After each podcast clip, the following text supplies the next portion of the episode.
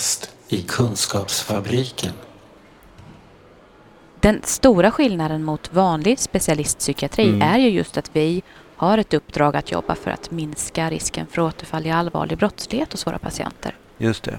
Skiljer sig den ambitionen att förhindra återfalla i allvarlig brottslighet från att återfalla i allvarlig sjukdom?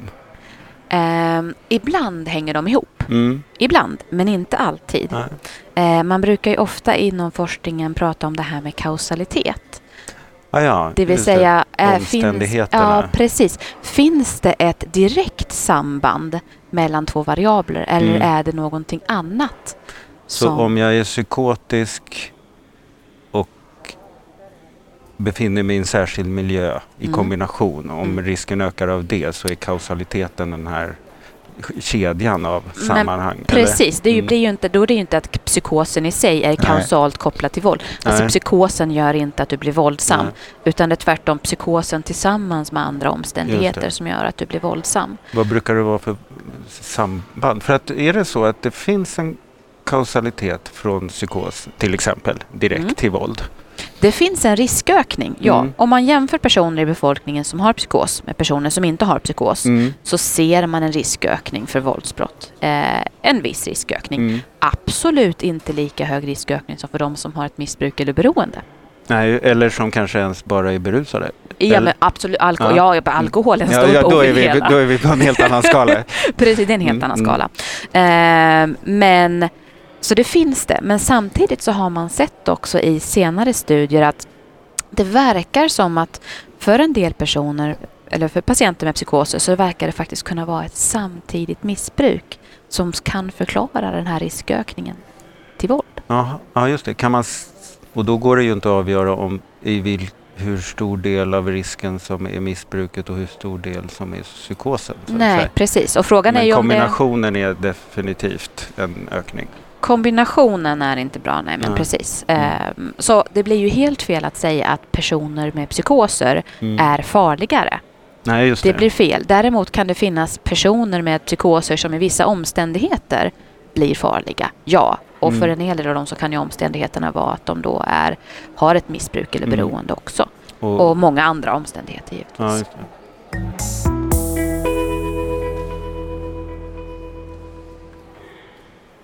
Ska vi, ska vi göra en riktig påa? Jag tycker, kör du, kör du. Nu har vi liksom smygstartat lite. Märta. Wallinius heter du i alla fall. Precis. Och vad är det du är i ditt yrke? I mitt yrke, Ja. jag är psykolog Ja. eh, i, till yrket i grunden Mm. ehm, och har jobbat eh, som psykolog inom det här området sedan 2005 Ja. Och nu jobbar du på, på Rättspsykiatriska regionkliniken i Växjö. så heter det. Japp, och där jag arbetar nu sedan nästan tre år tillbaka. Mm. Trivs fantastiskt bra.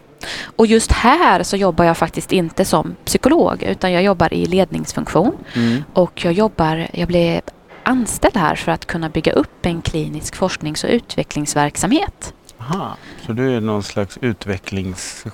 Forskningskoordinator. Det innebär att jag leder forsknings och Ja, utvecklingsverksamheten på kliniken. Kafferast i Kunskapsfabriken. En fråga jag ofta ställt mig när jag tittat på psykiatrin och träffat mycket folk, att det är ganska lite klini, klinisk forskning Mm. inom psykiatri. Mm. Och jag märkte det mest på att, att det är så många som jag känner med psykiska sjukdomar men som aldrig får ingå i någon studie. Ja. Alltså, ja. för jag, Ja. Och det upptäckte jag när alla jag kände som hade fått cancer Mm. ju alltid kom och sa men det det är en studie jag ska vara med i. Och att det där också på något vis ger en signal för patienterna om att det här är det, dina erfarenheter och vår forskning som skapar ny kunskap. Mm. Så att, säga. att det blir en slags, skapar en attityd eller en inbjudan på något sätt. Men det är det. Mm. Och jag tycker, du, du, jag tycker du säger en bra sak där. Du säger får ingå i forskning. Just Du det. säger inte måste Nej. eller tvingas. För det är ju en Mm. jätteviktig del i det Just hela, det. att forskningen just är frivillig.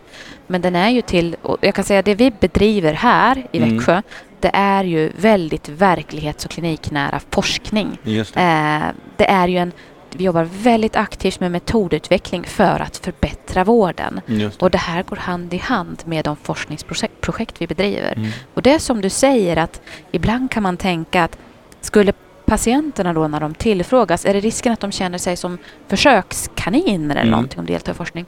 Men det är snarare tvärtom, eh, lite Just du inne på, att man får vara Mm. med och bidra Precis. och föra kunskapen framåt. För det är ju precis det man gör när man deltar i forskning. Mm. Man hjälper till att, att ge en grund för hur vi ska kunna göra det här bättre. Just det.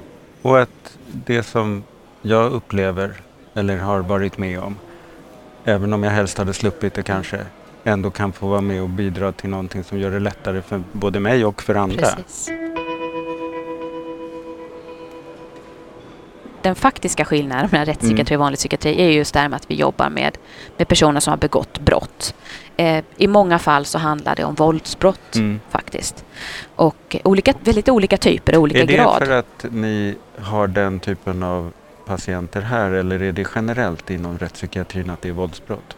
Det vanligaste är att det är våldsbrott, Mm. ja precis. Det ska ju vara ett, ett tillräckligt allvarligt brott för att du ska dömas till rättspsykiatrisk vård. Mm. Så det, det är väl att det ska vara, får vi nästan kolla upp, men det är väl fängelse i två år eller mer. Okej. För att du Ja, ska den. kunna komma i fråga för rättspsykiatrisk vård. Och det är ju de grövre brotten Mm. då ju.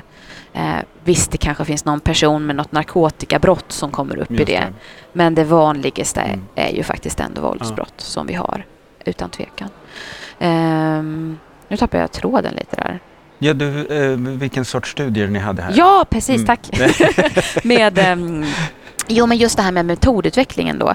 Att eftersom man då, vi jobbar med det om, och med våldsprevention Mm. så har vi här valt att börja på, påbörja arbetet med ett rättspsykiatriskt vårdprogram. Det vill säga ta fram riktlinjer för hur vi ska kunna ge en likvärdig, i den mån det går, evidensbaserad och en em, kvalitetssäkrad vård som dessutom är förståelig både för patienterna själva, deras närstående och, och Mm. andra vårdgivare och myndigheter. Det vill säga att vi ska veta vad vi gör och varför vi gör det. Och kunna vara öppna med det. Och vara öppna Mm. med Ja, det. just det. Självklart. Du vet, har man höga murar, då måste man jobba på att göra dem transparenta. Mm. Man måste ha en insyn. Och det är Just det, det, vi måste kunna det. göra. Mm. Och det jag tänker, det som vi jobbar då med våldsprevention och metodutveckling är bland annat att jag tänker på brukarinflytande och delaktighet.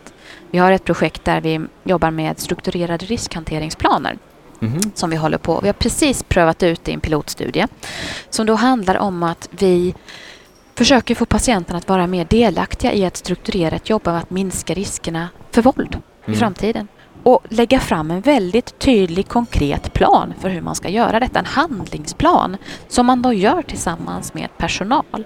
Där man Okej. identifierar så här, så här, bruk, så här brukar det bli Mm. alldeles innan det Mm. blir våld. Det, det kan man märka på de här sätten kanske att jag går och muttrar för mig själv eller att Ja, jag just inte... det. Alltså det kan vara Mm. olika saker.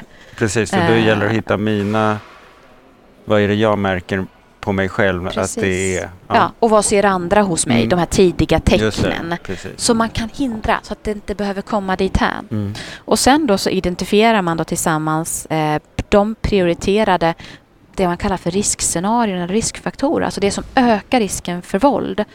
Och sen då jobbar man tillsammans fram hur man ska jobba för att minska detta. Mm. Eh, så en väldigt konkret planering som man gör. Och det är en, sån, det är en metodutveckling som vi, vi började med det som en, det var en ren frustration kan jag säga, Ja, kan som jag det uppstår ur. Ja. Mm. Att vi behöver jobba strukturerat med detta.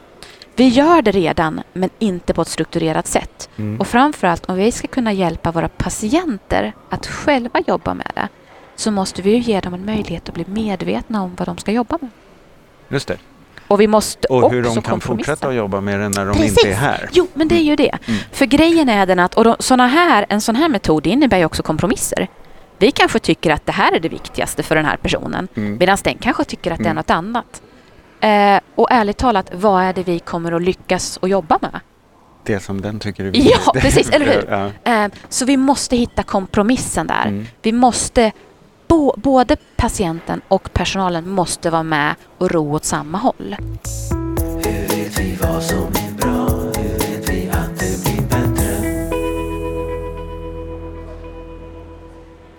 Men och det jag tänker också är, det handlar ju om att man ska återigen också veta varför man gör Mm. saker. Ehm, och det kan jag känna Mm. mig att jag känner mig stolt över att vi faktiskt också jobbar med att strukturera upp det här arbetet Mm. så vi vet vad vi gör och varför vi gör det. Men då gör ni eh, vårdprogram som är specifika för rättspsykiatrin. Inte Mm. för vård av psykoser med visserligen kanske ett våldsförebyggande Nej, eller precis. så, utan ni, ni kommer, eller har börjat ringa in något som är rättspsykiatri. Ja, det har vi. säga. Det har vi. Och vi har också, för vi gjorde nämligen som så här att när jag kom hit eh, och hade min vision om hur Mm. vi skulle kunna Mm. bygga den här forsknings och utvecklingsverksamheten, då ville jag veta vad gör vi här i termer av utredning och behandling? Vilka insatser gör vi Mm. egentligen? Så jag bad alla professioner att rapportera in detta. Inte patienterna tyvärr, Nej, gjorde jag inte nej. utan jag bad personalen. Alla yrkesprofessioner rapporterade in vilka insatser ger vi här Mm. egentligen? Ehm, och det som var, blev väldigt intressant var att vi har otroligt mycket vi kan ge. Otroligt mycket. Men du vet, det var så mycket som man såg nästan inte skogen för alla träd. Det, blev, var svårt att bilda sig en helhet. Ja, om, omvänt, eh, de jag har träffat som har varit på patientsidan, de är ju lite brydda när de kommer från rättspsykiatrin för de har inte riktigt fått någon kläm på vad det är man gör där. Nej, precis! precis men det är precis det jag menar, Mårten. Det är precis det jag Ja. menar. Och det var det som blev så tydligt. Mm. Vad gör vi egentligen? Då är så här, men alltså, vi måste ju kunna... Vi kan hitta minsta gemensamma nämnare. Och det är det vi försöker ta fram nu. För det finns inga nationella riktlinjer Nej. för rättspsykiatri. Ändå så har vi den här vården. Mm. Och som du säger, vi har personer som kanske har... Vi har en hel del med psykoser, med psykossjukdomar. Ehm, ja, men då ska vi ju använda oss av den kun- kunskapen som kommer därifrån och tillämpa här. Så Ja, i, I det den här, särskilda Precis, i vår här, särskilda ja. kontext. Mm. Så i det här vårdprogrammet så innebär att vi tar del av de evidensbaserade metoder som vi vet funkar till exempel för personer med, med psykosproblematik eller ångest, ångesttillstånd. Eh, tillstånd. och så applicerar vi det här i vår kontext. Mm. Ehm, Mm. Så vi försöker dra nytta av det som finns och i vissa fall, som våldsprevention, eh, så är det väldigt specifikt Mm. för just rättspsykiatri. Men den skulle ju kunna vara eh, angelägen även i vanlig psykiatri. Självklart. Eh, självklart. För det, du kan ju ha en våldsproblematik eller en impulskontrollproblematik utan att ha blivit dömd för det. Självklart, och det jag Mm. menar egentligen ärligt talat, ibland tror jag vi skapar större skillnader än vad Mm. det är. Det. Eh, det jag kan säga är att ibland, vissa av de personerna som kommer till oss hos- som patienter, de, har, de flesta har ju varit inom psykiatrin tidigare. Ja.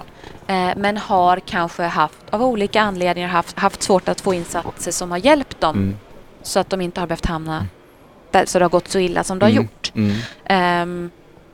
Vilket är fruktansvärt tragiskt att det ska behöva gå så långt. Just det. Så det är väl självklart man kan använda sådana här metoder i, annan, i Mm. andra verksamheter också. Självklart. Just det. Så, så tänker, Mm. det, det ska jag säga att det är jag, mm, så du frågar vad jag är stolt över. Det är jag stolt över och att vi faktiskt också jobbar med att få ut det i praktiken. Mm. Eh, inte bara fina ord på papper utan att vi faktiskt, vi säger att vi vill se över detta, vi tror att vi behöver jobba så här av de här anledningarna och vi följer upp och ser till att vi skaffar förutsättningar för att kunna göra Mm. det.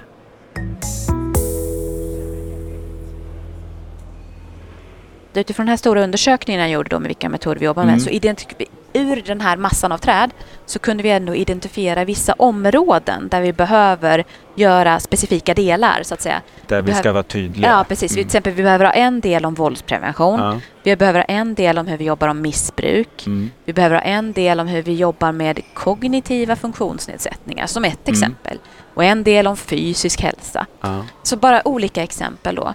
Ehm, och nu har vi, det är två arbetsgrupper som jobbar nu. Den ena om våldsprevention. Och där har vi ett koncept som vi då håller på och eh, som vi Är har det det ni presenterat. har börjat med också? Ja, men precis. Det är Mm. där vi kör Just olika det. metodutvecklings. Så det är hel, dels att vi har samlat de metoder som vi använder oss av, som vi vet är evidensbaserade Mm. mm. det går. Men också när vi inte har det då att vi jobbar fram metoder. Och sen missbruksgruppen jobbar också på just nu. De har inget utkast än. Och sen under hösten så kommer vi påverka... Jag tror vi gissar på att vi kommer påbörja också en arbetsgrupp som har med suicidprevention att göra. Inom rättspsykiatri. Så Mm. vi, det är många olika områden vi kommer titta på. Men vi har tänkt som så här, Mårten, att vi vill jobba med inte för mycket... Vi vill inte sätta igång allt på en och samma Nej, gång. det är, jag håller med. Ja, utan vi vill göra... Vi vill, när vi gör någonting vi vill, göra, vill vi göra det bra Mm. och Att- kunna ha tid att följa upp. Hellre det än att vi liksom sätter igång något som blir ett havsverk om sen är så här, ja men vad händer där egentligen? Så ju mer jag tänker på det så tänker jag att i, slutändan så är det nog den här brottskontexten som är det unika. Ja. Och det särskilda eh, återfalls perspektivet som Ja. ni är ålagda. Så att Ja, säga. Men precis. som jag tycker att man borde kunna ha i vanlig kriminalvård eller i vanlig psykiatri också. Självklart. Alltså, Självklart. Ja. För det, det är som du säger, det finns Mm. personer som har problem med impulskontroll mm. även inom psykiatrin, vanliga psykiatrin. Ja, eller ute på Ja. stan. Ja men herre, ja, gud.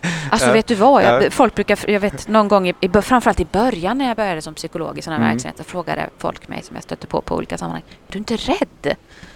Och då brukar jag säga att det är så bra mycket farligare att gå utanför krogen vid Mm. stängningsdags Mm. en helgkväll Mm. än vad det är att jobba här. Det. Ehm, så det blir ju, Mm. jag kan säga att det är väl också någonting jag tänker vi verkligen behöver göra. För det är som du säger, man är ute efter, du har varit ute efter, vad är skillnaden mellan rättspsykiatri? Mm. Vad är specifikt för rättspsykiatri? Ja, det är ju brottet. Men folk begår ju brott ändå, Mm. alltså oavsett. Även om de inte blir dömda Men för det. precis! Och grejen är det här att jag tror, något jag hoppas kunna göra är att möta en del, eh, ut, våga utmana lite fördomar. Mm. Det hoppas jag kunna göra. Och också att man med det arbete vi bedriver, att man faktiskt då kan mer försöka fokusera på de här personernas behov Mm. och hur man kan göra för att de inte ska hamna i samma omständigheter igen. Just det. Det är det det precis. handlar om. Ja. Och det är på att säga om, om omständigheterna leder till brott eller inte, det, det är olika för olika personer, Om de leder till brott eller bara misär Ja, men så precis. är, är det ju Ja. ett elände som det. Ja, men precis. Så eh, helt rätt. Rent lagmässigt finns det saker som är specifika Mm. för rättspsykiatri, men sen finns det väldigt mycket annat som, är, Ja, som vi delar. ja.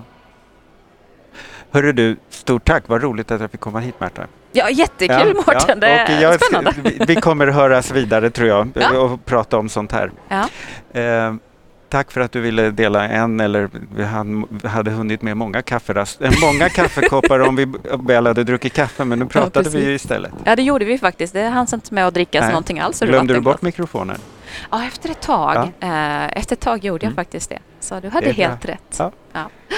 Vi hörs. Det gör vi. Hej. Hej. Den här podden görs av NSPH, Nationell samverkan för psykisk hälsa. Läs mer på vår hemsida www.nsph.se eller följ oss på Facebook, Kafferast i Kunskapsfabriken.